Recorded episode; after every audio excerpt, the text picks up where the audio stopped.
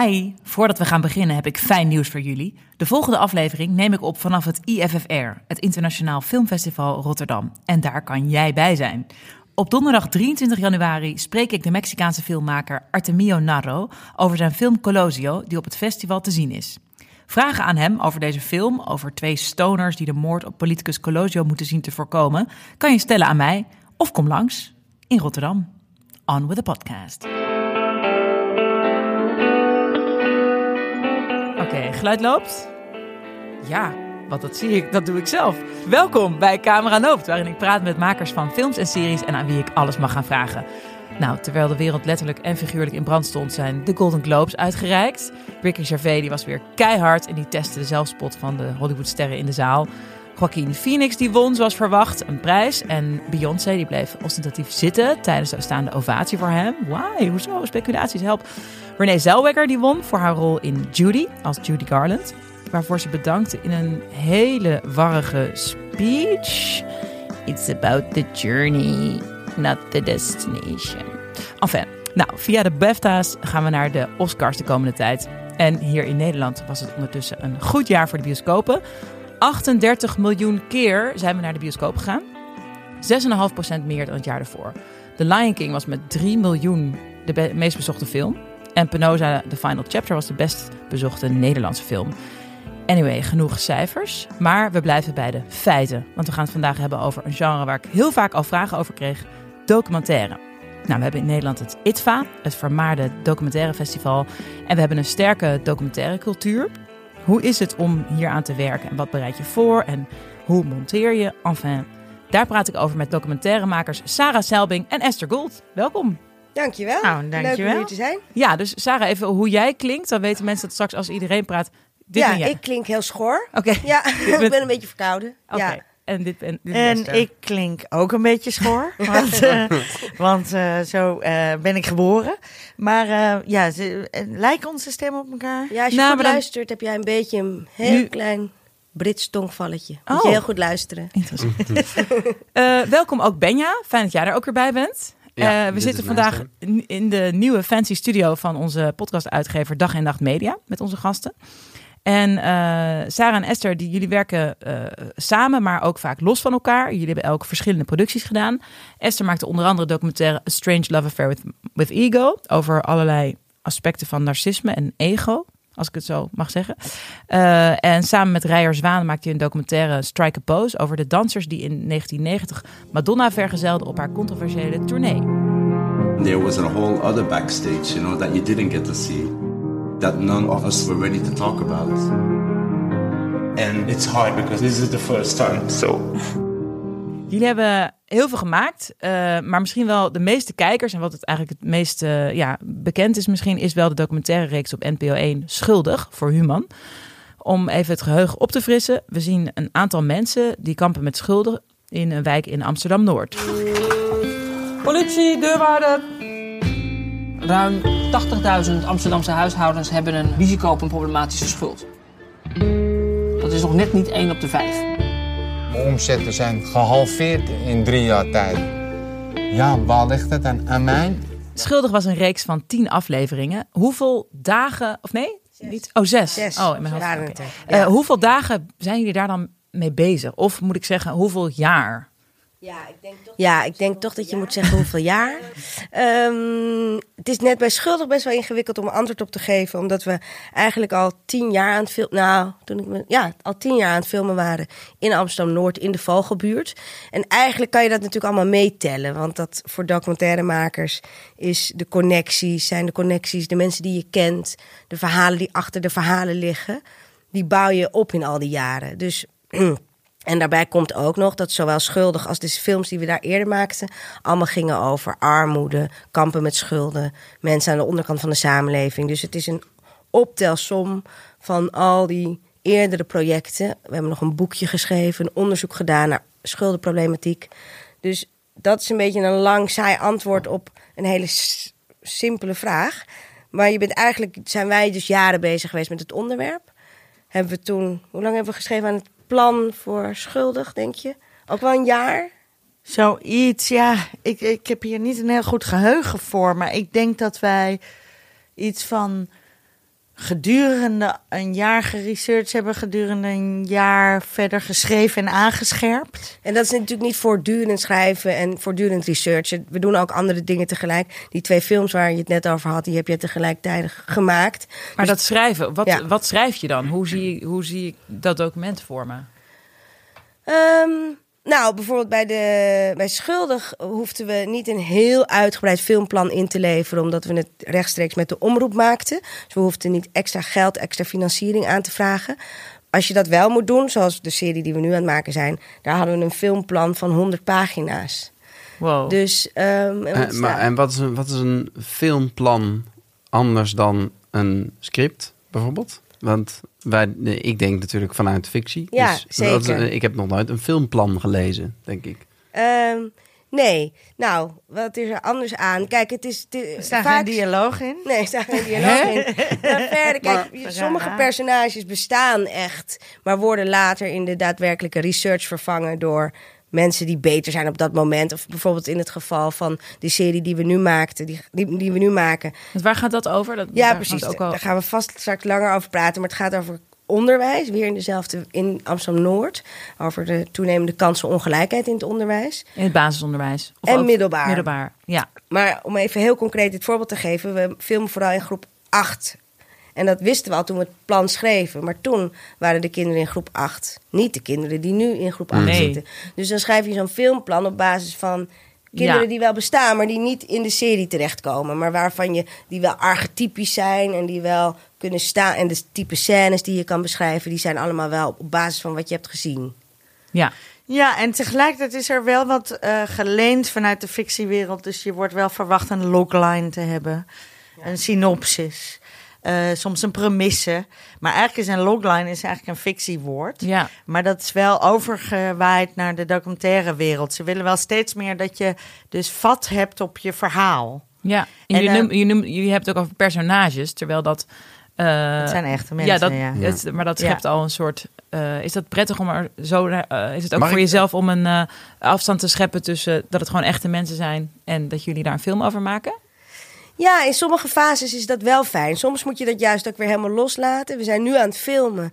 En dan wil je juist dat het gewoon je beste vrienden worden of zo. Dus dan, ik, ik bedoel, wij onderling misschien nog wel eens. Maar nu vervallen vallen al die fictietermen juist een beetje weg. Hè? Maar straks als we weer gaan monteren, dan vind ik het bijvoorbeeld ook heel fijn om niet te veel contact te hebben met de Juist hoofdpersonen. niet. Nee, omdat je dan echt weer probeert. Je probeert sowieso een ontwikkeling en, een, eh, en al die dingen in je, in je montage te leggen.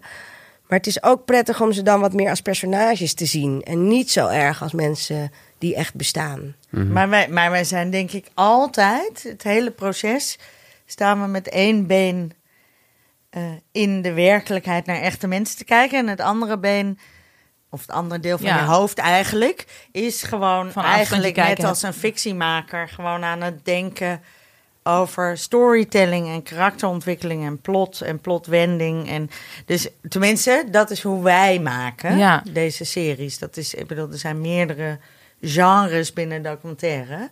Maar, dus, maar ik denk dat het wel waar is dat alle documentairemakers, soms misschien iets minder dan wij, maar iedereen moet nadenken over ontwikkeling, verhaal. En dat is ook volgens mij waar de documentaires veel meer die kant op ontwikkelt. Dus wat twintig jaar geleden prijswinnende documentaires zouden mensen nu ook saai vinden. Dus de, volgens mij is ook de dramaturgische verwachting is hoger. Omdat het meer naar fictie toe is gekropen. Maar eh, alles wat 20 jaar geleden gemaakt is, vinden we nu saai, toch? Nee, is niet helemaal waar hoor. Want er zijn ook films die, eh, die wel. eh, Ik was een de beetje opinie aan het maken. Oké, oké. oké. Onze Ik laat je sidekick. even. Benja. precies, precies. Eh, je wou net ook wat zeggen, Benja. Wil je dat nu dan misschien zeggen? Of ben je Eh, ja, bezig maar met dan thee inschenken? Voorzitten voor de microfoon. Ja, hier. Ehm, eh, nou ja, ik wou even. Eigenlijk, er zijn vast mensen die, eh, nou, zoals ik, voordat ik verlicht eh, raakte, denken dat een, een documentaire maken is. Je gaat met een camera op stap en je zegt van, hoe gaat het met jou? Vertel eens over je leven. Wat blijkt? Die persoon heeft schulden en je gaat er achteraan en, en, en, Ja, ja. en kijkt hoe zo'n leven verder gaat. Ehm, Ja, ik dat- wist, tot, ik het, tot het me verteld werd door jullie, niet dat een documentaire, dat daar een plan achter zit. Ik denk gewoon, Of een een documentaire is, ja. is het echte leven. Dus, dus dus jij dat weet- volg je. Ja, maar jij weet als geen ander dat filmen te maken heeft met een camera en met soms licht. Nou, bij ons bijna nooit, maar toch met een geluidspersoon op zijn minst. Dus je begint al met drie mensen. Dus je kan toch al niet verwachten dat de werkelijkheid zich ontrolt. Terwijl toevallig die drie mensen net op dat Met hun moment... apparatuur, ja. Nee, maar het daar gekke is helemaal dat dat het- met een dat het- zendertje. Maar zo komt het wel hebben. Over. Precies, Dat- een goede documentaire Ja. heeft natuurlijk wel dat, dat gevoel. Ja, Ja. die suggestie. Maar goede fictiefilm ook. Ja, eh, ja. Maar bijvoorbeeld bij, bij Schuldig heb je een personage wat eh, iedereen die het gezien heeft eh, wel heeft onthouden. eh, Dennis van de dierenwinkel Abulia. Eh, en staat er dan in jullie plan op een gegeven moment, vlak voor dat jullie gaan draaien, staat er dan echt van nou, we volgen Dennis bij een duivenactiviteit van hem en we zien dat. Nou, Hij verkoopt het- weer het is- niks Nou, kijk, het is bij Dennis wel grappig ook om te vertellen hoe we aan hem zijn gekomen. Want kijk, deels is natuurlijk gescript, of eh, niet gescript, maar deels hebben wij van tevoren dingen bedacht. Maar voor het allergrootste gedeelte gebeurt het nadat je de omstandigheden hebt geschept. Dus het allergrootste gedeelte wat in schuldig te zien is, hebben wij niet op die manier letterlijk bedacht. Wel wilden we graag een uit huis gezet gezin, dat hebben we bedacht. Maar voordat je dat voor elkaar krijgt, klinkt nu heel hard, want het was verschrikkelijk. En ja, het maar je moet maar net weten welke dag je daar moet zijn. Nou ja, kun dat is je, gewoon zijn. maandenlang mee met deurwaarder en op andere manieren zoeken naar een gezin dat uit huis is gezet. En toevallig kwamen we op de dag dat we met de deurwaarder filmden. Met Ron en Ramona Met Ron en het. Ramona in aanraking. Maar bijvoorbeeld bij Dennis, want daar begon ik over, of jij eigenlijk. We hadden bedacht een tijdje in, het- in het allereerste begin, toen we de serie schreven, één aflevering die heette De Hond of de Huur. Want wisten wij, er zijn veel mensen met huisdieren in dit soort wijken. En het is vaak zo dat een tijdje je huisdier ziek wordt. Ja. En ga je dan je huisdier... Ik las daar gisteren over in de krant dat daar geld voor vrijgemaakt is. Nou, wat voor huisdieren van minima. Maar goed, nou, dus precies. inderdaad, het is Nou een ja, ding. het is, een ding. eh, wat je ervan vindt, maakt verder niet uit. Maar het is waar dat mensen dan twijfelen tussen... ja, moet ik mijn hond aan zijn kanker opereren... of moet ik de huur Ja, of betalen? zelfs eten betalen voor de hond. Dat of het eten betalen, inderdaad. En het is, het is een beetje een platgeslagen titel. Hè? De hond of de huur, zo is het ook nooit gebeurd. Maar dat helpt ons natuurlijk om dat dilemma scherp te krijgen. Van, oh ja, wat voor afwegingen moet je maken? En we wisten dat er in die vogelbuurt dat dierenwinkeltjes, eh, die dierenwinkel zat. Dus leek het voor ons ook een logische researchplek om naartoe te gaan. Om mensen te treffen die misschien Ja. met dit soort problemen te maken kregen. Of, die, ja, of maar ook die troost ondervonden aan hun huisdier. Want dat is natuurlijk ook heel vaak het geval. Maar er kwam niemand. Nou, dat. nee, eigenlijk. Nee, Manon kwam naar binnen en begon, was meteen gecharmeerd. Oh, sorry, Manon is onze Ja, researcher. Eh, goud waard. Manon van der Sluis, die vindt al die onvergetelijke karakters, personages, mensen. Is dat iemand waar jullie dan al vaker mee werken? Of, of is het elk project een andere researcher? Nou, we hebben haar ontdekt eigenlijk dankzij die serie Schuldig. En ik denk dat we nu nooit meer met iemand anders willen werken. Of dat laat ik voor mezelf spreken. Zij is wel echt, zij bijt zich vast. En, zij En is hoeveel zo- researchers heb je dan voor zo'n project? Of is dat Eén. Eén. Oké. Alleen oh. zij. Ja. Nou, dat is ook wel uitzonderlijk hoor. Ja. Maar zij is zo ongelooflijk goed en zij kan, Zij kan en echt wil. eh, 80 ballen in de lucht houden, zeg Ja. maar. Ja. Ja. En die mensen ook, eh, zij moeten ook de band bewaken met die mensen, een beetje de Ja, verhouding. ja, wij pakken dat een beetje over op het moment dat eh dus Sarah en ik verdelen de personages, hoofdpersoon, de mensen, de echte mensen. en eh, die verdelen we en op het moment dat we die, eh, en dan meestal gaan we bijvoorbeeld nog een keertje met Manon langs, misschien nog een keer en dan nemen we het wel een beetje over. Nou, wel echt toch? Ja, maar Ja, de, de, deels is wissel zij- toch? ja, zij, is klopt, ook vaak, zij is vaak, terwijl wij nu draaien, is zij nog een beetje de... Zij, bij Schuldig liep ze vaak door de buurt heen. Toen waren wij wel lang aan het filmen. En dan hoorden ze ook roddels. Maar dan hoorden ze ook... dat ook geklaag over ons toch? Als wij Ja. soms te veel. Wij, wij Ja, moeten ja. natuurlijk ook af en toe de boeman kunnen zijn of Ja. doordrukken. Want mensen willen niet een tijdje meer. Of, en dan moeten wij ook een beetje. Ze is ook een beetje onze good cop, toch? Ja. Want dan Ja, zij moeten het gewoon kan zij met die je relatie warm oor. houden. Precies. Ja. En dan, oh, zijn, is ze iets te veel geweest? En dan kan ze tegen ons zeggen: Misschien moet je eventjes niet naar Dennis. Want je bent nu Want wel. je zegt dat mensen soms niet meer willen. Ja, Ja, als je mensen zo lang eigenlijk. filmt, Of wat- een- ja. Kijk, dat is, het is natuurlijk niet bij elke documentaire zo. Maar bij Schuldig hebben wij een half jaar lang, of eigenlijk wel iets langer eigenlijk, z- zeven, acht maanden gefilmd. En bij dit project zijn we 13, misschien straks wel 14 maanden aan het filmen. Dus een hele lange periode. Ja. En dit is ook een, daar hadden wij het net vanmiddag nog over. Het is een heel groot verzoek aan mensen. Want eigenlijk vragen wij aan mensen: mogen wij anderhalf jaar in jouw leven stappen? En we komen heel vaak filmen. We weten eigenlijk nog niet precies wanneer. Ja. Maar We het weten liefst op wat. momenten Dat dat, het pijn echt doet. Ja. Precies. Alle de En zeg daar dingen. maar eens Ja. ja. tegen, weet je wel? Dus dat is ook vaak niet wat we vragen. We vragen eerst, mogen we een keertje filmen? Ook omdat wij vaak van tevoren niet weten of dit een hele grote lijn wordt. Ik bedoel, Dennis, dat ontwikkelde zich ook de hele tijd. En het werd steeds, hij bleek heel goed te doen op camera. Hij bleek heel het leuk te vinden. Hij bleek een hele heftige ontwikkeling te, door te maken. Ja. Dus hij werd ook steeds groter en groter. En ik vond hem steeds leuker. En de scènes werden steeds geestiger. En ook Hij is heel open. En hij is heel open. Maar dat zijn allemaal dingen die je in één, twee of drie researchgesprekken natuurlijk niet echt weet. Dus wij vragen, dus, dus de verzoeken zijn ook, moeten ook vaag zijn, omdat we zelf niet eens echt weten Nee. wat we vragen aan de mensen. Dus dat is inderdaad, eerst zeggen we, we mogen een keertje filmen. Misschien worden het er wel vijf keer of misschien wel vaker. Eh, het is in elk geval gedurende een lange periode. Het is een Ik heel denk moeilijk ook verzoek. zelfs dat je een beetje over de grenzen van mensen moet gaan. Een beetje. Eh, niet alleen de mensen met wie je filmt, maar ook van je crew of zo. Om eh, iets bovenmiddelmatigs te maken. Meestal moet je net een beetje verder gaan. Ja, je bent toch Ook over best jullie eigen Zeker. grenzen? Ja, we hebben daar na, na schuld ook een half jaar voor pampus in een hoekje gelegen. Ja, maar dat, ja, dat is wel echt waar. Ik denk wel dat je... Dat wij, ik bedoel... Ik, ik- En, en ehm, is de wens om iets bovenmiddelmatigs te maken dan zo het groot? grappige is, ik had gisteren hier een heel gesprek over met Manon. Wij zitten dus gewoon... In, Manon de Ja, researcher. sorry, inderdaad, Manon de researcher. En ehm, we hebben heel... Dus zij heeft dat ook. Zij heeft ook een soort onbegrensde passie. En werkt altijd en elke avond... En we zitten elke avond nog tot 11 uur, 12 uur te appen met elkaar. We zitten bij iedereen na te denken over... hoe we diegene toch voor ons kunnen winnen. Want het kind vertrekt van de ene school naar de andere school... in de serie die we nu maken. En die nieuwe schooldirecteur wil het niet. Maar dan gaan wij natuurlijk niet mee akkoord. Dus dan gaan we allerlei manieren bedenken om toch te zorgen dat we daar binnen de sch- schoolmuren iets kunnen filmen. En hier over dit soort.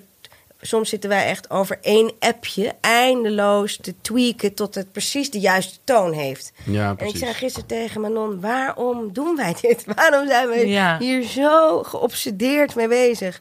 Ja, ik denk toch dat het... Het is ook elke keer een soort overwinning, een soort gevechtje. Weet je, je denkt, eh, je krijgt nu een nee, maar dan eh, ken je ons nog niet. Weet je Ja. wel? Dus je bent ook elke keer gewoon weer aan het kijken of het je toch lukt. En dat is ook niet eh, ongezien gebleven, want Schuldig was voor een... Hè, dat is een klei, Human is een kleine omroep. Eh, het was, je zou niet denken dat het een kijkcijferhit werd, maar dat werd, er, werd het. Ja, En eh, het is ook heel erg, ja, heel veel erkenning, er is heel veel over gesproken. En jullie hebben zelfs een hele Pauw-aflevering eh, met die personages ook gekregen. Dus het, is wel, eh, het stond wel op de kaart. Ik heb het idee dat de schuldenproblematiek ook nog meer bespreekbaar is geworden daardoor. Eh, hoe is het voor die mensen geweest? Voor die personages doen jullie dan ook aan nazorg daarin? Ehm, als zij 1 Heel miljoen, 1 erg. miljoen kijkers Heel hebben op de maandagavond? driftig. nee, zeker, zeker, Ja. zeker. We hebben Ja. ze een jaar heel intensief contact gehad, gehouden. En nu nog steeds, het is nu drie jaar geleden, weten we van iedereen wel hoe het met ze gaat. We hebben nu niet meer... Hebben mensen spijt of zijn ze allemaal, vinden ze het wel...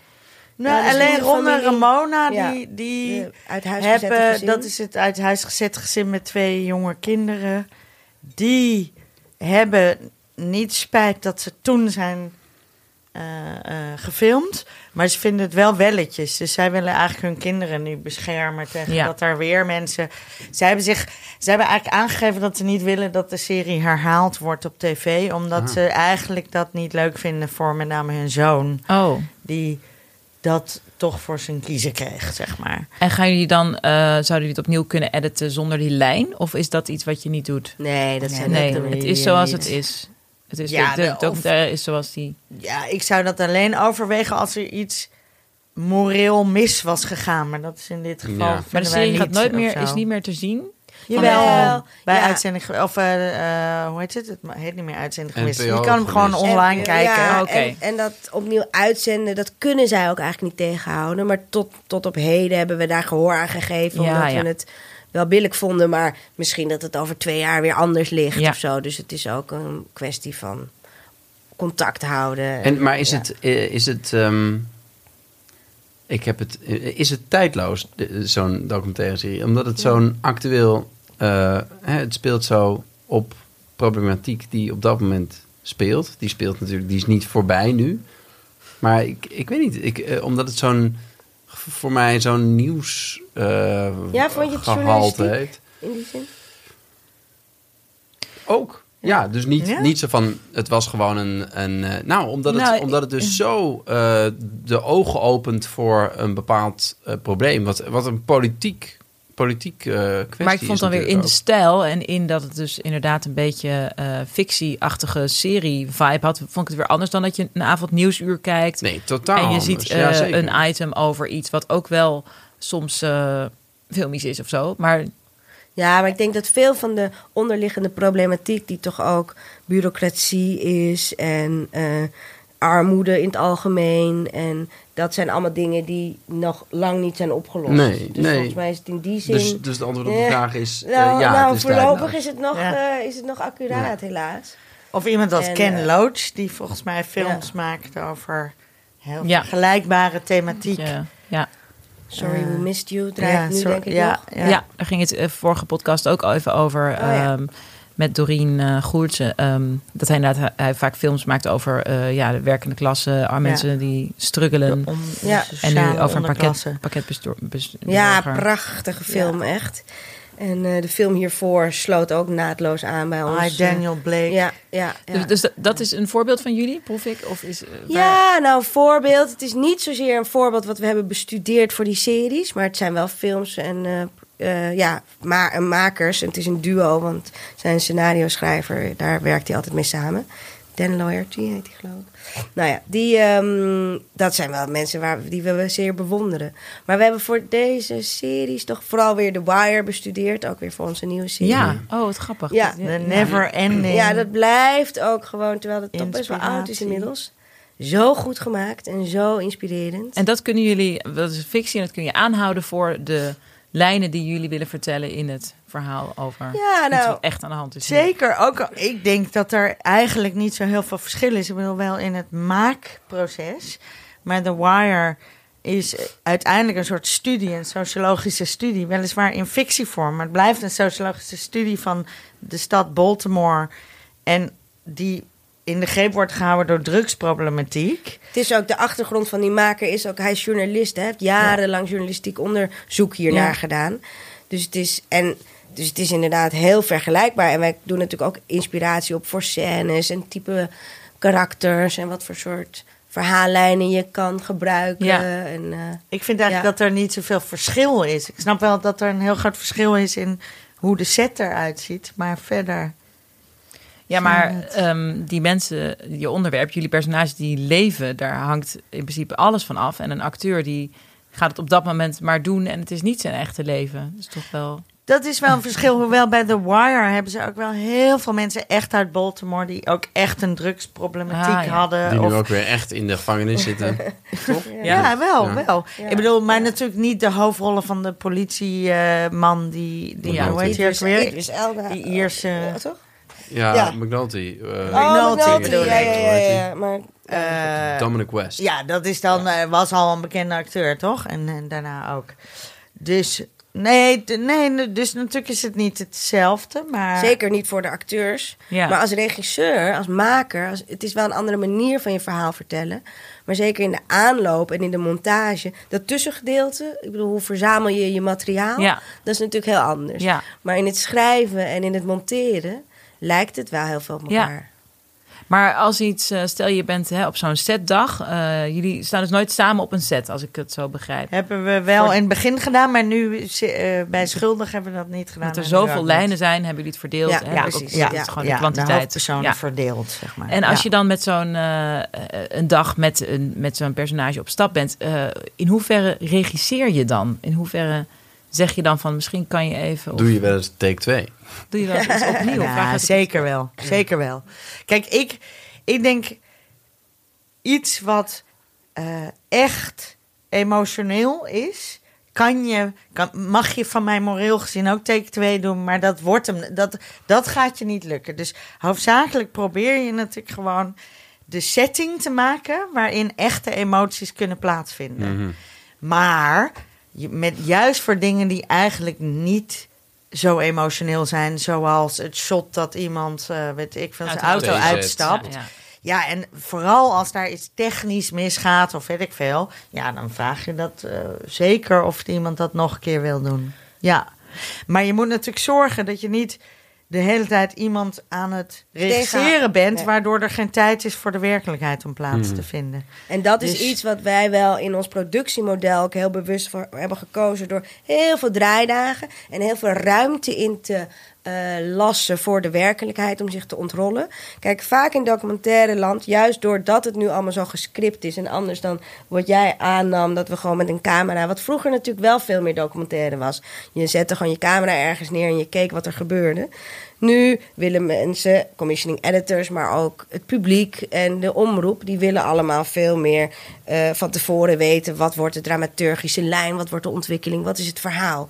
Met als resultaat ook dat de draaidagen vaak. Het zijn er vaak veel minder dan vroeger. En het is ook veel geregisseerder en gestuurder. Waardoor de werkelijkheid een beetje in het gedrang komt. Want als je tien draaidagen hebt om je verhaal in te vertellen. dan ga je precies zorgen dat in de ochtend eh, dat spannende gesprek met zijn moeder Ja, is. ja. En in de middag even Ja. een fietsshot. En dan eh, ga- kan je even lunchen met elkaar. En dan s'avonds had je nog dat gezellige eetmoment met oma die langskwam. En als dat dan allemaal binnen die, binnen die call sheet helemaal vastgepland is. Ja, dan kan er dus niks meer echt gebeuren. En dat is wat wij nu wel heel anders doen. En ook bij Schuldig anders deden. We hebben heel veel draaidagen. We hebben elke draaidag wel soms één of twee eh, mensen die we volgen. Ehm, maar ehm, meestal plan ik één of twee dingen waarvan ik denk... Oh, ik weet dat dat gaat gebeuren. Of dat is die dag. Of dat examen is op die dag. Of dat belangrijke gesprek. Maar dat ik er wel veel lucht voor en na inplan. Zodat er ook gewoon dingen kunnen gebeuren die gebeuren. Ja, En dat is iets wat volgens mij heel anders is dan bij veel andere producties. Dat er gewoon geen tijd of ruimte of geld voor is. En, en eh, hoe, waarom is die er bij jullie dan wel? Omdat jullie jezelf eh, het schompenswerk en daar een half jaar in een hoekje Nou, liggen? Nee, we hebben volgens mij deze keer was het iets makkelijker omdat we schuldig al hadden gemaakt. Om zoveel geld een beetje te krijgen. bewezen had wat, Beetje, eh, ja, wat dat je het iets oplevert. maken, ja. En vorige keer hebben we daar gewoon een heel duidelijk pleidooi of een heel groot, veel, veel gesprekken voor gevoerd en veel tekst voor nodig gehad. Maar wel kunnen uitleggen waarom dat belangrijk was. En dat we op, alleen maar op die manier echt dicht bij dat onderwerp konden komen. Ja. En een beetje ander productiemodel. Ja, dat is ook zo. ja. Kijk, de documentaire wereld die bestaat natuurlijk ook al heel lang. Dus er zijn gewoon gangbare begrotingen, Ja. eh, gangbare financieringsmodellen. En los van dat we nu ook een behoorlijk grote begroting hebben. Maar dat is niet het enige hoor, want er worden wel meer dingen gemaakt met een grote begroting. Of een ruime begroting. Maar we, we richten het ook een beetje anders in. Dus er gaat heel veel naar Op, wel- tijd. op welke manier? Ah, dus dat Dus voor, er- voor jullie schrijf- en researchtijd is. Ja, maar ook de nee, maar ook bijvoorbeeld. aantal draaidagen. Er zijn veel draaidagen. We hebben met de camera en Maar waar beknibbel je dan op? Nou, we hebben bijvoorbeeld met de camera en de geluidsmensen de deal dat we ze per maand, elke maand een vast bedrag geven, gebaseerd op 12 draaidagen. Dat zijn er soms meer en soms minder. Dus per team, hè, dat hebben we dan allebei met een eigen ploeg. Dat zijn er soms meer en soms minder. Maar dat ze wel altijd voor ons eh, beschikbaar zijn. Ah, ja. Met ook als voordeel dat je af en toe gewoon drie uurtjes kan draaien. Wat Ja. niet meteen voor een halve dag moet tellen. Want dat is allemaal hoe het normaal gesproken werkt. Dan Ja, je dus je bent uur uit en flexibeler thuis in en het, eh, overuren schrijven. Daar doen we allemaal niet aan. Ze zijn gewoon altijd beschikbaar. We draaien vaak iets minder, waardoor zij er ook wel een soort voordeel aan hebben. Maar ze moeten wel altijd, ze kunnen geen andere klussen Ja. aannemen in dat half Dus jullie jaar. kunnen snel reageren als je voelt van... hé, Precies. er is morgen een evenement of iets Ja, of wat ik van die persoon. Precies, of ik had laatst een eh, heel belangrijk gesprek tussen een jongen en zijn moeder en de schoolleiding. Want hij had een gevecht gehad op school. Nou, s ochtends om negen uur zou dat zijn. Dus wij stonden daar helemaal klaar. Iedereen was gezenderd. Jongen kwam niet opdagen. Dat is op zich een mooie scène. Want je hebt Ja. dat hij niet komt. Maar normaal heb je dan dus nooit dat hij wel komt. Want de volgende dag heeft de crew alweer iets. Heb jij alweer iets. Maar nu zou het de volgende dag zou die komen. Dus ik zei, jongens, we staan hier morgen weer om acht uur. En we waren er weer. En dan heb je die scène ook. Ja, en dat is echt goud waard. Ja. Die vrijheid hebben ook mensen die zelf camera doen, maar dat Ja. doen wij niet.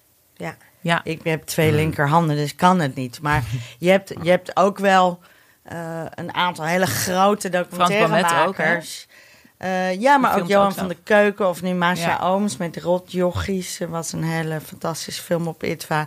En die draait zelf. Ja, dan ben je gewoon, weet je wel? Ja, Ja. Kan, kan je, dan hoef je alleen aan jezelf te vragen of je Ja. morgen kan. Ja, precies. Ehm, Zul je net zien dat dat niet mogelijk is. Wat is, wat is eigenlijk het verschil tussen... eh, ik, ik bedoel, er is verschil. Maar wat is... ehm, waarom is documentaire geen reality tv? Waarom is reality tv geen documentaire? Wat is reality tv? Ja, wat is reality tv? Nou, dat ik denk is nu toch aan... niet meer? Dat was toch heel denk- erg jaren negentig? Nee, je hebt, je Nee. hebt Big series Brother? over Nee, bijvoorbeeld Frans niet. Bauer en zijn vrouw bijvoorbeeld. Ja, ja, ja. Ah, gaan ze ja. iets doen? Of je volgt, volgt een, eh, een Ja. voetballer of een... Ja, ja, ja. Ja, ja, ja, ja. Nou ja, kijk. Bestaat dat niet meer? Dat bestaat Jawel, Ja, bestaat dat is wel, nog- bestaat wel, bestaat soort wel. dingen. Kijk, ik denk ook... Wij zijn altijd nog bezig met uitleggen wat documentaire überhaupt is. En eigenlijk snap ik ook heel goed dat heel veel mensen dat eigenlijk niet snappen. Wat zeggen jullie dan eigenlijk? Heb je daar een, een, een kort en bondig zinnetje voor Het zou lekker zijn, hè? Ja, Dan kunnen we deze het is podcast wel. Het is, volgens mij is het een art, ja, het is toch een auteursvisie op de werkelijkheid.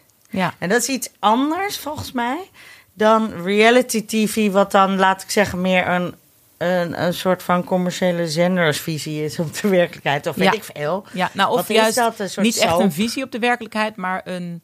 eh, Registratie. de registratie Ja, van de ja. werkelijkheid. Wat Ja. natuurlijk ook niet helemaal Nee, is. Ze gaan natuurlijk ook dingen doen. Nee, maar bijvoorbeeld Kim Kardashian heeft dan ook, eh, dat heb ik nooit gezien, want het is, is het niet, ik weet niet waar het uitgezonden wordt, maar die hebben toch al tien seizoenen. Kardashians. ehm, de Kardashians. Dat soort dingen. maar die zullen ook wel keuzes maken. Dit is de- helemaal Ja. geregisseerd, Ja. denk ik. Ja. Maar het is niet echt eh, een regie. Misschien is Ik die bedoel- visie erachter is inderdaad het grote verschil. En een andere visie Ja. dan in deze aflevering gaan we zien, gaan we zien dat, zodat ze uiteindelijk iets kopen van mij of iets, Ja. een, een, een auteursvisie. Maar goed, ik ben heel erg, eh, zeg maar, grootgebracht in een soort traditie dat je documentaire filmen ziet als film maken. En het maakt eigenlijk niet uit of het fictie of.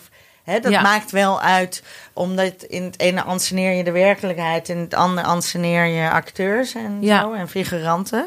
Maar het is een vorm van film maken. Ja, dat vond ik ook in A Strange Love Affair with Ego. Dat is eh, ja, een film eh, rond iemand die er niet te zien is in de film. Namelijk mijn eigen zus. Ja, jou- jouw zus. Ja, ik wist ja. niet of dat, maar dat is Ja hoor, ook ja, ja. Dus jouw zus en eh, jij, jij, maar die, daar gaat de film niet over. Je, je laat andere, daar gaat de film wel over, maar je laat andere mensen, andere personages zien. Representeren haar. ja, die een raakvlak of iets vertegenwoordigen uit haar. Ja, het is een hele vreemde vorm hoor. Het was ook heel moeilijk om die film te financieren, omdat eh, niemand, inclusief ikzelf, waarschijnlijk helemaal begreep wat we nou gingen doen. Ja, Ik wist alleen, om het zeg maar heel kort kan ik vertellen, ik, ik, mijn zus is overleden. Nou, ik ga je niet heel lang over vertellen, maar ehm, ik raakte door het levensverhaal van mijn zus heel erg geïnteresseerd in hoe zelfliefde nou werkt. Eh, dus narcisme, maar niet narcisme in de oppervlakkige. Hè, zoals wij nu over generaties praten die zo narcistisch zijn, maar gewoon hoe werkt zelfliefde?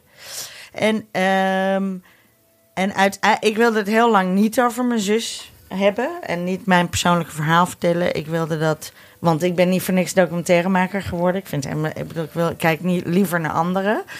Maar ik kwam er gewoon achter gaandeweg dat ik er niet aan ontkwam om dat persoonlijke verhaal te vertellen. Maar feit bleef dat ik niet zo'n klassieke, ja, zeg maar familiedocumentaire of ego-documentaire met allemaal foto's en filmpjes. Wat eh, had ik ook niet genoeg even van. jezelf in beeld met... Ja, of zelf in beeld met foto's van mijn zus en zo. Ja. Maar dat was gewoon, dat wilde ik helemaal niet. Want dat was helemaal niet het verhaal dat ik wilde vertellen. Of dat was niet het motief, zeg maar. En toen kwam ik op het idee van, oh ja, wat als ik nou op zoek ga naar echte eh, mensen, vrouwen in dit geval, of meisjes, vrouwen, die eh, mij herinneren aan mijn zus in een bepaalde fase van haar leven. Dus ik heb een soort kinderherinnering aan mijn zus en een studentenherinnering en een dertigersherinnering. En daar. En, en ik ben op zoek gegaan naar echte mensen die eh, een aantal eigenschappen gemeen hadden met mijn zus in die tijd. Ja. Ja, en dat is ook een documentaire. Die vorm is dus ook inderdaad voor jou. Het is wel een hele sluit aan wat je zegt het is- documentaire, maar het is wel een documentaire, ja. Want Ja. die mensen zijn niet aan het acteren. Ehm, het volgende waar jullie mee bezig zijn, dat hoe eh, drong zich dat onderwerp op? Want het gaat dus over school, het onderwijs en vooral de verschillen erin. En hoe, hoe kwam dat? Ja, nou, dat is, eh, even kijken hoe ik dat eens zal beginnen. We hadden natuurlijk de serie Schulden gemaakt. En toen eh, was het inderdaad vrij succesvol geweest. Dus de omroep en het net, en NPO 1 wilden eigenlijk heel snel een nieuwe serie. Maar wij lagen dus nog bewusteloos in die hoek. dus wij zeiden, hold your horses. Wij, wij, wij moeten even bijkomen. Maar we dachten wel, oké, waar zal die nieuwe serie over moeten gaan? Het viel nog even of we het weer over hetzelfde wilden doen. Maar we hadden over de schuldenproblematiek wel echt alles gezegd wat er te zeggen viel wat ons betreft. Ehm, en toen, ehm, wat Bert Janssens, dat, is de, dat was de directeur van de Human, nu is hij eindredacteur, maar hij was destijds nog in elk geval de man met wie wij altijd contact hadden en nog steeds. Eh, zijn theorie, en dat vind ik eigenlijk wel een goede, is dat er achter elke documentairefilm een betere schuilt. Met andere woorden, hij vindt dat documentairemakers te vaak switchen van thema, onderwerp. Terwijl je kapitaal zit hem in het onderwerp, de gedachten daarover, de mensen die je kent, het netwerk dat je hebt opgebouwd. En er is altijd meer te vertellen. Dus waarom zou je niet doordenken over hetzelfde thema? Nou, Ah, dat- dus achter is in dit geval de, de, eh, de Na. volgende, als het ware. Ja, Eh, precies. Want ik dacht, ik dacht een beetje van... Oké, deze film is goed, maar eigenlijk had het veel beter kunnen Oh, zijn. maar het gaat dus over Nee, de nee, volgende voor film. De Dat je daar nog dieper op in kunt precies, gaan. Ja, precies. Ja, ja, exact.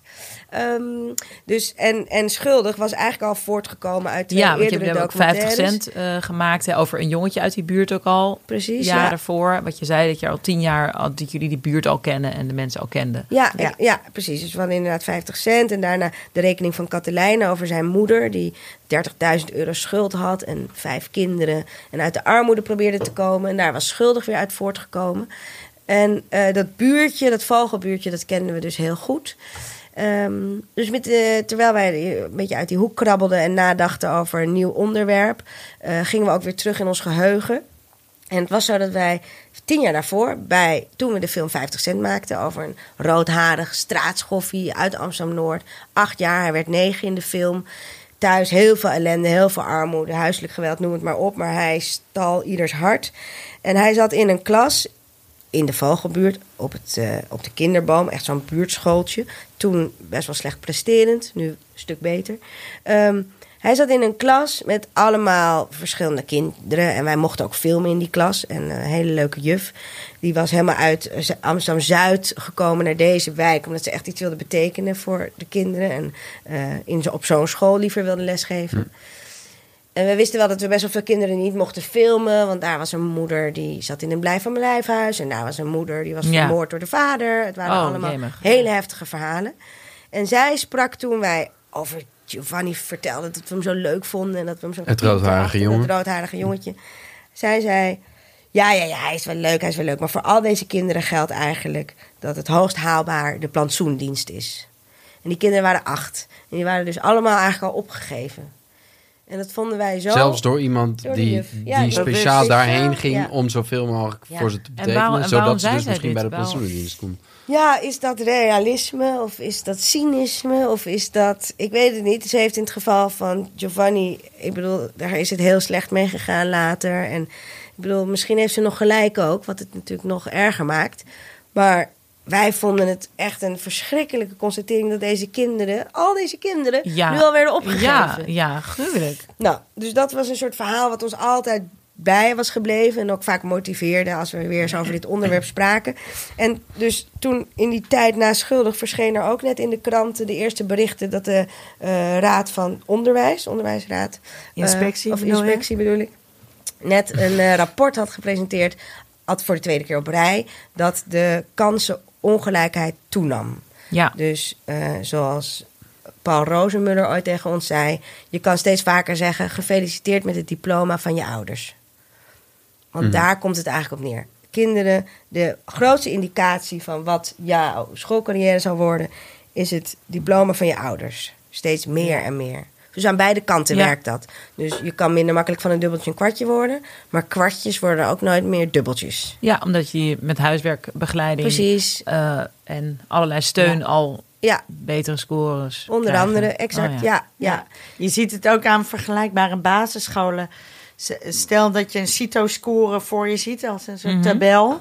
Dan zie je dus soms dat er basisscholen zijn met een behoorlijk vergelijkbare eh, klas hè, qua CITO-score. Maar op de ene school gaat 80% naar het VWO. En op de andere gaat misschien 30% naar het VWO. Terwijl, Ook als ze, als ze een Ja, goede uitslag ja, hebben. Ja, ja, terwijl is, eh, dezelfde gemiddelde score, Ja. hetzelfde beeld laten zien qua CITO. Ja. Ja, ja, ja. Dat gebeurt gewoon. En waar heeft dat dan mee te maken? Want dat heeft dan niet met het onderwijs te maken, of wel? Nou, daar moet je onze serie voor bekijken, eh, eind Ah, 2020. dames en Nee, ja, we hebben daar natuurlijk allerlei gedachten over. Het zal niet eenduidig zijn. Nee, het is heel ingewikkeld. Dat het is is echt complex, ja. Maar ik heb ook gelezen, ja, het is natuurlijk ook een beetje wat nu gaat het niet eens over hoe jullie de documentaire maken, maar gewoon over het onderwerp. Ja, maar dat is vaak is ook het als, als Ja. enige dat als land in Europa ook heel slecht. Dat je het hier hebt over zwarte scholen, Ja. dat het echt eigenlijk eh, Ja, echt heel erg is in eh, Obsessie in met tijd. etniciteit hoorden wij van een aantal mensen. We hebben ook eh, even gefilmd in Londen, omdat we op bezoek gingen bij. eh, er zijn een, de Londense scholen in de binnenstad. Die, stonden, die waren super beroerd. Dat waren failing schools. En dan hebben we het echt over van die wijken zoals Peckham, waar al die knifings en zo Oh ja, zijn. ja, al die En steekpartijen van hele jonge, jonge ja. tieners. Ja. En uiteindelijk hebben ze in Londen zijn ze de London Challenge begonnen. En toen is het ze gelukt om in 15 jaar van die eh, falende scholen hele goede scholen te maken. Namelijk behorend tot de top van het land. Ehm, en waarom vertelde ik dit ook alweer? Ik had wel een Nee, jullie, hebben daar ook gefilmd, zei je? Eh, Ja, precies. etnici- etniciteit. Etniciteit. Oh ja, en daar zeiden ze, dat was, Anne. dankjewel. Iemand is scherp. Wij gingen daarheen met de Amsterdamse wethouder. Eh, dus er waren allerlei gesprekken, maar we spraken daar met een schoolleider van zo'n goed geworden school daar. En die, die sprak dus met die Nederlandse delegatie en zei: Jullie zijn geobsedeerd door kleur en etniciteit. Hou nou op. Hou op met praten over laten we gewoon, laten we gewoon zwarte scholen beter maken. migrantengezinnen en zwarte scholen. Ja, Want het is ook vaak verdekkend en het is ook vaak, eh, ja, daardoor, daardoor wordt het onderwerp ook heel snel afgeleid van waar het eigenlijk over gaat. En etniciteit en migratie speelt wel een rol als het gaat over kansenongelijkheid. Maar eh, het opleidingsniveau of de e- eh, economische klasse is eigenlijk van veel groter belang. Ja. Dus daar proberen wij ook ons veel meer op te focussen, ook weer in deze nieuwe serie. Dus beetje weg van dat ge- En in welke debat. fase zijn jullie nu? Jullie zijn nu aan het draaien al? Zeker, zeker, zeker. We hebben draaidag 95 of zo achter de rug. Ja, ja, wat Van de betekent- 198, dus Ja. zeg maar bijna half. Bijna over de heel. Ja, ja, precies. Bijna over de heel. Zo Ik ga, ik ga deze maand een jeugdfilm doen. Van tien draaidagen. Ja. Oké, het, is een kort- Ja. het is een korte film. Maar hij komt in de bioscoop. En het zijn er tien. Zo, ja, ja. Maar goed. Nee, het is wel Ehm, echt absurd. Maar ik, ik Het heb ook na schuldig ook wel eens verzucht. Dat ik dacht, oh, eigenlijk wil ik fictie gaan doen. En jij hebt dat ook wel eens gedaan. Ja, nee, zeker. Kijk, wat Het is ook wel vermoeiend hoor, dat trekken aan mensen. die niet Ja, willen. en, dat het, en, en de tijdspannen, lijkt me ook. Ja, en die tijdspanne is niet altijd zo bizar lang. Ehm, Nee, maar wat vooral vermoeiend is, is volgens mij dat mensen wij aan mensen trekken. En dat wij heel erg proberen, wij willen altijd alles in scènes vertellen. Dus niet een man op een stoel die je interviewt en dan nog eventjes vraagt of je uit het raam staart en Ja. achter zijn laptop zit. Ja. Wat ze bij andere programma's graag doen. Maar eh, niet nader te noemen. Of gewoon bij een journalistiek item heb je ook dat soort shots is nodig. ook prima. Maar wij proberen wat moeilijk is, maar wel leuk, alles in scènes te vertellen. Maar met als gevolg dat je voor elke draaidag en elke scène ontzettend veel toestemmingen altijd moet regelen. Want je kan wel iemand die boodschappen gaat doen in de Dirk willen filmen. Ja. Wat nog heel simpel is. Maar dan moet de filiaalmanager en Mensen alle mensen die in komen. beeld Ja, komen. meisje en bij de meisjes kassa. bij de kassa. Oh. Dan ben je gewoon eh, een ja. hele dag mee bezig voor dat je moet je dan met een quitclaim allemaal Met een Ja. quit akkoord hebben. claim. En nou ja, goed, dus soms gaan we daar wat makkelijker mee om dan op andere momenten. Maar je moet ik heb soms heel veel bij een tijd... AZC gefilmd. Nou, toen dacht ik echt van tevoren, ik ga niet tegen productie het woord quit claim laten vallen. Want ik ga echt niet op die AZC langs al die Nee. arme migranten uitleggen. Wat ik op, eh, Asielzoekers. asielzoekers uitleggen wat ik aan het doen ben. quitclaim Ja. vertalen.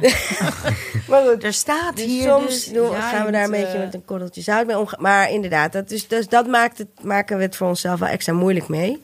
Dat we alles in de werkelijkheid willen vertellen. En zeker in Amsterdam is dat heel moeilijk, omdat daar iedereen een beetje veel moe is. Als je elders in het land gaat filmen, gaat het opeens een stuk makkelijker. Ja, echt waar? Ja. Maar, Maar je valt, want ik vind soms wel dat je mensen een beetje zo niet lastig valt, maar heel vaak geef je ook heel veel terug, vooral aan de hoofdpersonen.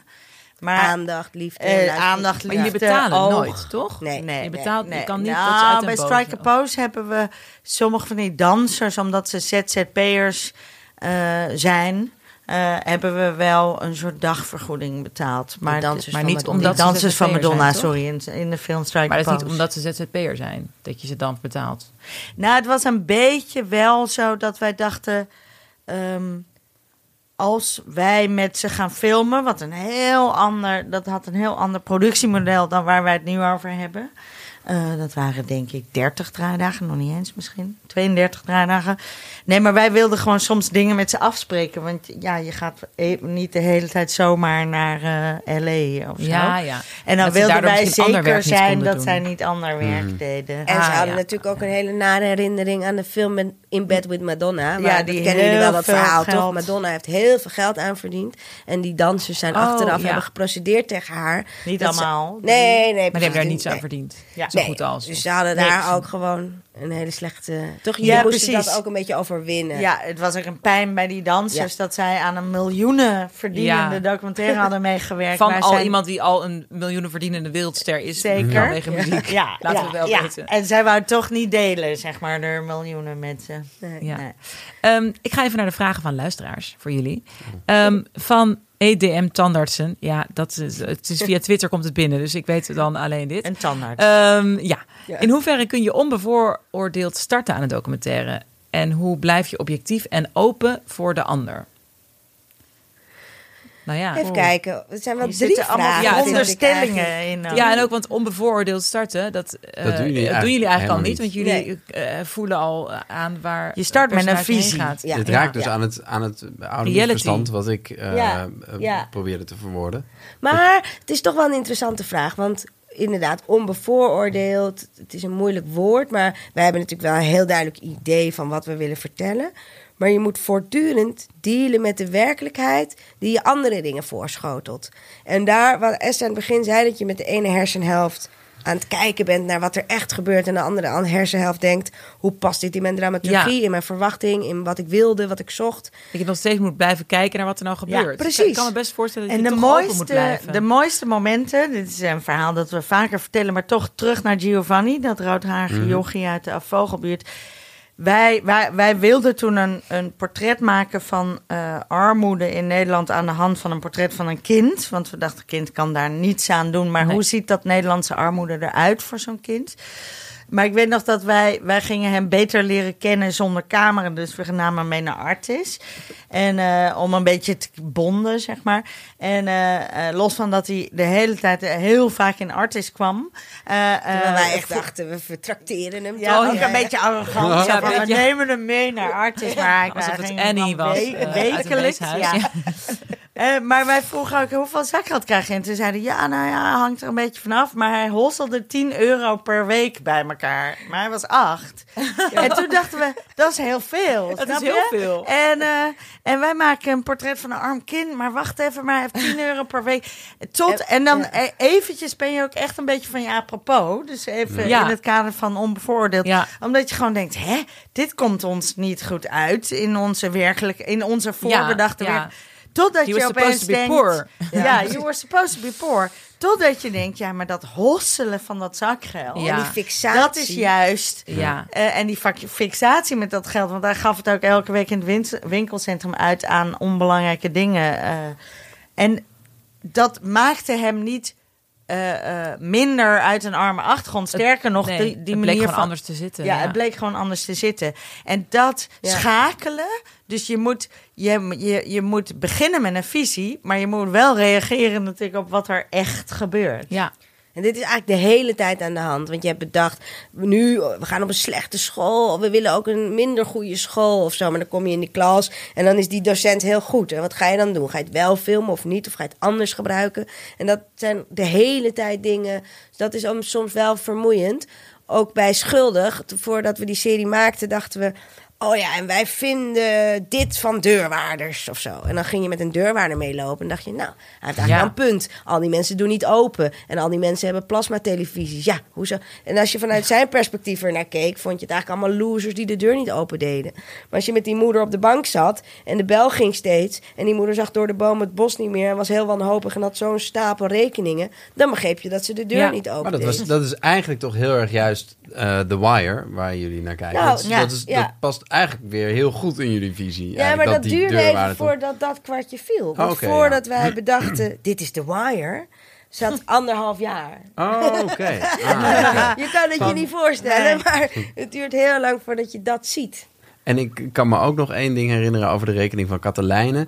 Wilden jullie ook Giovanni weer filmen? Maar die wilde toen niet meer in beeld. Klopt Ja, dat? klopt. Die was Ja. En dan had je dan, dat was een tegenvaller natuurlijk, maar dan hadden jullie elke keer dat shot van dat je zo de trap aan het eind van de trap was dan daarboven een deur en daarachter zat hij dan te gamen de hele tijd Ja, een soort. ja. Of te snacken Ja, of zo. hij had Zo'n de master bedroom of had hij in beslag genomen. Ja, ja. En eh, dan zag je steeds zijn vader die al die maaltijden en drank en Ja. of niet alcoholisch drank, maar drankjes naar boven Ja. bracht. En Nou, dat Ja. zijn ook wel dingen. Dus, dus dit is inderdaad nu het resultaat van een heleboel denksessies. En hoe gaan we dan Giovanni toch in beeld brengen, terwijl hij niet wil. Maar hij speelt zo'n grote rol in dat huishouden. Hij is een soort iemand op zolder. Hij kwam ook nooit naar beneden in die tijd. Hij was ook altijd daar op die bed. In die En dat was wat slaapkamer. je dus. Dat was het, bleek het verhaal Ja. te worden wat je ging Precies, vertellen. ja. Maar ik denk voor, de ta- voor onze tandarts, het is volgens mij een misvatting dat je een soort blanco schetsboek bent of zo. Ja. Je bent een kijker met een visie. Alleen moet je wel blijven echt kijken. Ja. Maar dat is En niet daar hetzelfde. vervolgens op reageren. Ja, En- precies. En daar en dat, reageer eh, je op en daar pas je je misschien op aan. Maar het is niet zo En dat, dat, je een soort blanco vel over die visie. rondloopt. Ja. Dat bestaat niet. Dat bestaat ook niet. Zelfs Nee. bij het nieuws is dat niet zo. Maar Eh, dat is een een, vraag. andere aflevering. Eh, gaan we, kunnen we ook doen. Eh, Olivier van Kuijen, wederom een vraag. Ehm, hoe verleidelijk is het om van je scenario af te wijken als je in je geschoten materiaal eh, nieuwe, als er nieuwe angles naar boven komen? Doe je dat dan wel of niet? Of gebeurt dat niet? Oh, nou, ja, eigenlijk, dat ver- eigenlijk- vertel je Ja. dat al een beetje Ja. met Dennis. ja. Dus dat er. Met het hele gesprek nu. Eigenlijk Nee? wel. Ja. Dat is de hele Ja. tijd wat Ja, er je doet gebeurt. het wel. Ja, ja wijk je wel er zijn af. ook dingen die niet blijken te werken. Nee, nee. die Of je dus bijvoorbeeld bij Dennis, nog toch eventjes, die hebben dus een, bijna een jaar wel gevolgd. Daarvan ben ik eigenlijk voortdurend ervan uitgegaan dat hij zijn winkel zou worden uitgezet en misschien ook wel zijn huis. Dus de dramaturgische lijn die ik voor ogen had, was dat het slecht met hem zou aflopen. Ja. Godzijdank natuurlijk niet. Maar dan, dat is een, ik bedoel, het, helderst, het meest heldere voorbeeld van, het, van een totaal andere afloop. Ja. Hij wordt gered door de Door buurt. de buurt, ja. Wat prachtig was.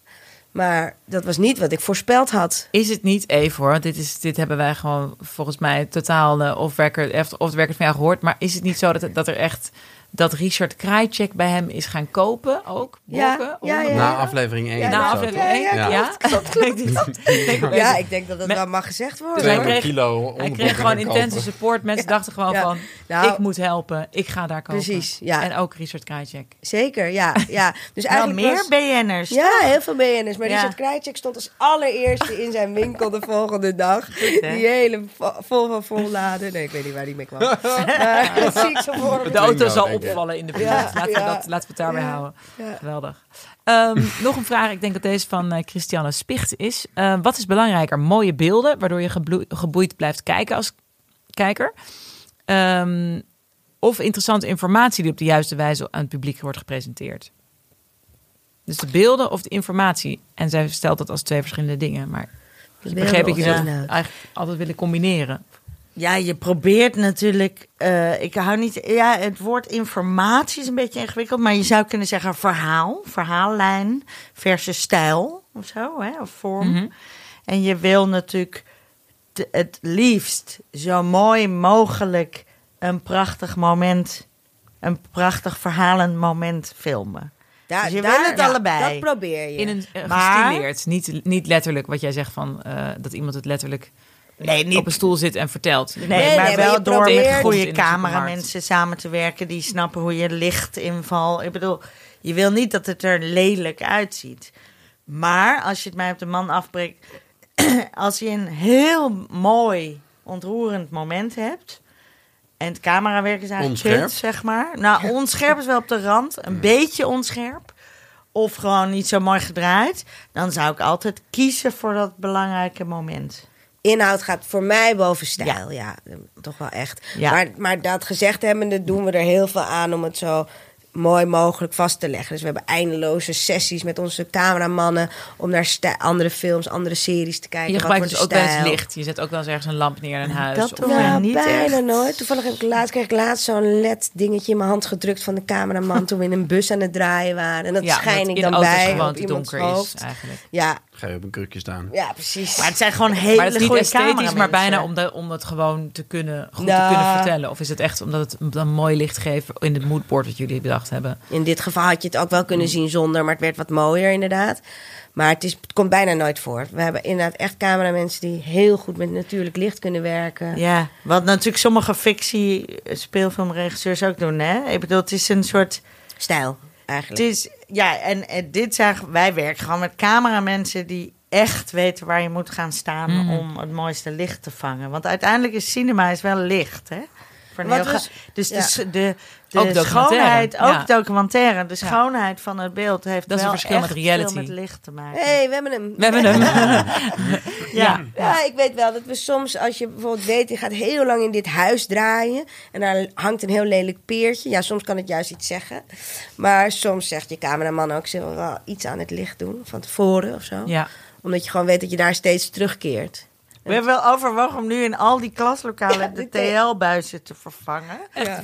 Ja, maar dat, dat hebben we niet gedaan, kan ik alvast vertellen. Oh, wow. Niet te Nee, doen. nee, maar heel veel gehad. scholen hebben van dat lelijk TL-licht. Ja. Ja. Ja. Maar ja, maar, eh. Maar dat, Ja. En dat zijn toef- min of meer toevallig de scholen die slecht presteren, of niet? Ja, het is niet, Nou. niet waar, ze, waar het geld naartoe gaat natuurlijk. Naar goed licht. nee, Op een school. Ook een idee. Oké, Nee. dan gaan we naar... eh, wat kijk jij nu? Sarah, ben je, wat Nou ja, kijken? Ik, eh, ik, ik dacht er even over na en ik kijk niet zoveel eigenlijk. Oh, nooit. Überhaupt niet? Of, of Überhaupt niet. Nee, ja, Oh. nu omdat we het zo druk hebben ook al helemaal niet. Hoewel wel eens s'avonds naar The Crown of zo. Maar het leek me niet heel eh, inspirerend om nu te vertellen. Want Nou, dat dat heeft mag, iedereen. hoor. Nou, ja, ik vind The Crown te gek. Maar ik dacht, ik probeer iets origineels. Olivia Colman. En haar Precies, accentje. Ja, precies. geweldig. geweldig. Nee, maar het afgelopen jaar, je begon deze eh, podcast met hoeveel mensen er naar de bioscoop zijn gegaan. Ja. Ik natuurlijk ook een paar keer. Niet zo heel vaak, te weinig. Maar de film waar ik echt zo flabbergasted geweldig door geraakt was, was Midsommar. Heb je die gezien Nou, toevallig? dit is mijn film van 2019. Nou, echt? Ja. Nou ja, Ik, Anna, ik, ik, ik, ik had het van tevoren helemaal niet aan zien komen dat ik nou een horrorfilm. Nee. Ging op dinsdagmiddag en ik dacht Ja. dus helemaal. Ik weet niet, en ik ben, ik denk er nog steeds weer eens aan. Ik voelde me gelouter. Dat is de woord. Ja? Nou, ik voelde me helemaal zo gereinigd. Nou, ik had precies hetzelfde. Ja. Ik was er gewoon nog Ja. dagenlang verlicht. Ja. Liep ik door de straten. ik een was beetje gewoon helemaal... spiritueel. Of een Echt. beetje... Nou, wat ga, Ja. jij, jij hebt ja ook- absoluut. Nou ja, Ja. daarom, ik bedoel, ik, ik kan wel wat anders noemen, maar ik heb precies Ja, hetzelfde. ik- dus ik laten we het echt gewoon over Midsommar hebben. Welke Ja. film, het was echt de film in 2019 die het meeste impact Ja. op me had. En de opening is, is gruwelijk. En het is, dat is al een stomp, een stomp in je maag. En daarna... Ja, ik, ik, ik, heb, ik heb wel wat een paar momenten mijn ogen dicht gedaan. Ik dacht van, ik kan wel bedenken wat ik nu zie. Maar ik hoef het niet echt te zien. Ik Ja. niet. Ik dacht van, ik bescherm even dat, Maakt dat mijn het minder erg, is natuurlijk de vraag. Maar goed. Nee, precies. In dit geval dacht ik ik, ik, ik, nee, ik een paar keer mijn ogen dicht gedaan waarschijnlijk. Je weet op welke momenten.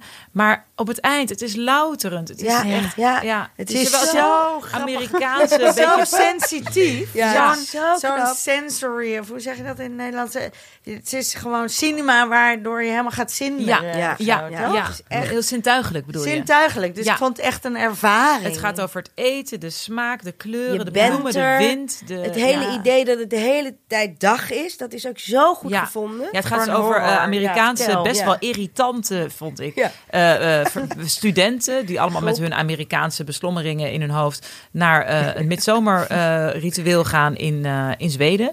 Ehm, en één iemand wil daar ook een, een, een thesis over schrijven, een, arti- een, een universitair artikel over schrijven. En een meisje die gaat daar mee met haar vriend. Ook een hele vervelende relatie hebben ze. Heel vervelende relatie. Maar wat is en er zij net is met ook dat zo'n meisje all-American gebeurd? meisje. En het is, het is eigenlijk in het midden van de depressie gaat ze daarheen. Want haar zus heeft Nou, dat is die opening. Ja, we, we, Ja, we spoilen, Ja, we spoilen kan je eigenlijk weggeven, niet wat weggeven. niet? Nee, die opening moet je eigenlijk niet weggeven. Nee, voor Maar- de mensen die het nog niet gezien hebben, gaat zien. Ja, ben jij? moet die film zien. Heb je Ja. die niet gezien? Ik Florence Oh. Pugh speelt erin. En zij is pas 22 of zo. Ze speelt ook in Little Women nu van eh, Greta Gerwig. En zij is echt volgens mij waanzinnig. Dat dansritueel. Maar wat zo ja, knap is, God. toch? Je wil enerzijds er ook zijn. En het is, het is dus heel... Je komt helemaal in een hele macabere ritueel, rituelen terecht. Daar in dat eh, Zweedse dorpje... waar een van die studenten oorspronkelijk vandaan Ja. kwam.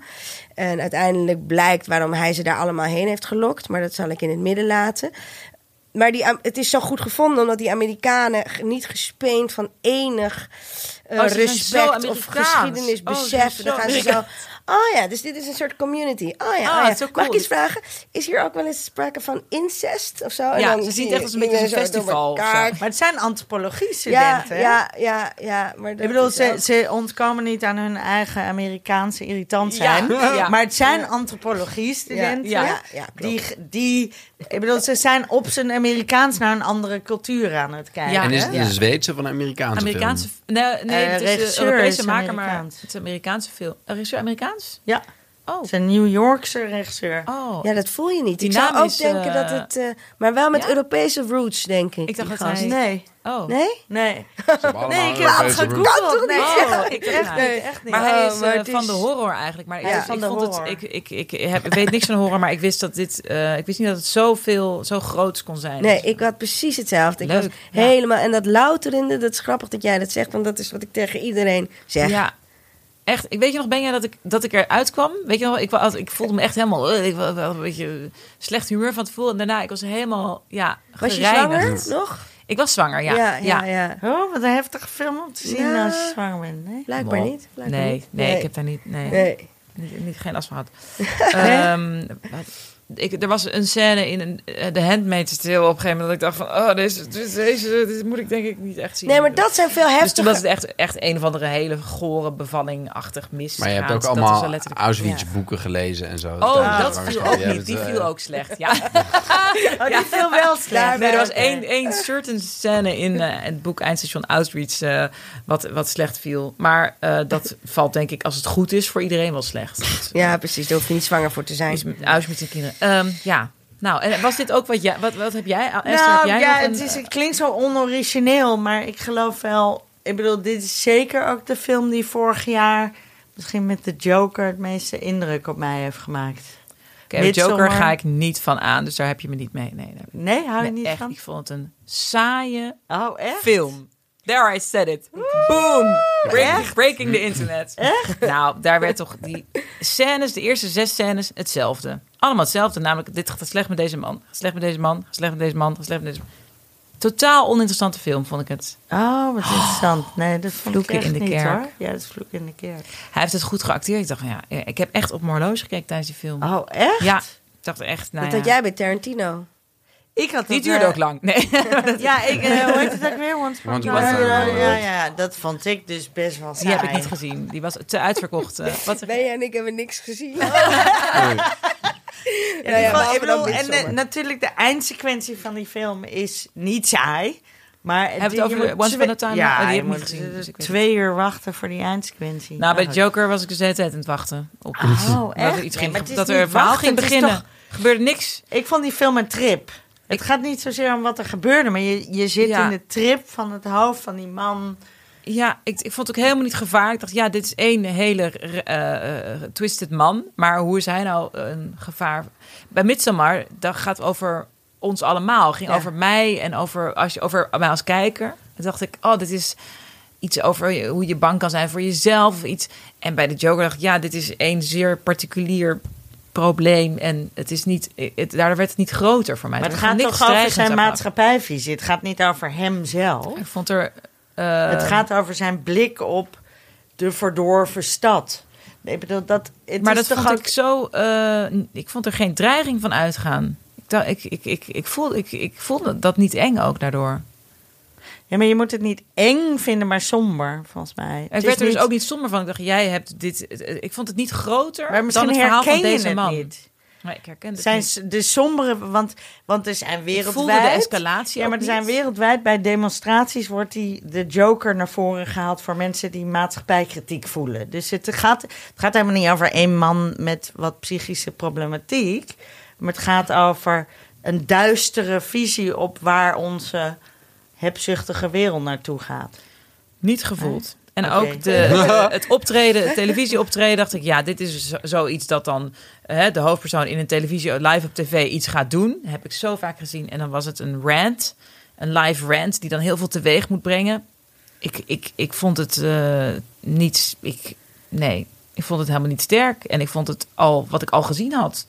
Eh, Ik, maar misschien is het ook dat ik, dat ik Ja. te veel hoge verwachtingen had, omdat het, iedereen zegt deze film, deze film. Maar nee, ik, eh, Ja. ja, het kan ook mijn bui zijn geweest, wat dan ook. Maar nee, didn't hit me. Was je maar het mag zwanger? Eh, maar dit is aandacht- alles, dit is jouw, eh, dit is zo interessant.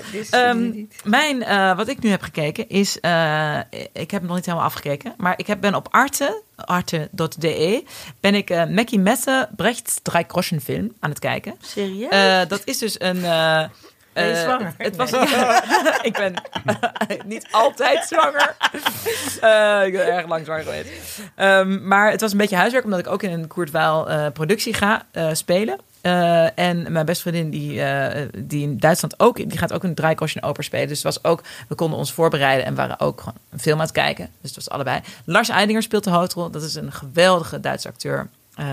En het gaat dus over hoe eh, Brecht en Weil in eh, de jaren 2030, nee 30, een film willen maken van het Dreigroschenoper, de Driestuiver opera, een stuk van hen.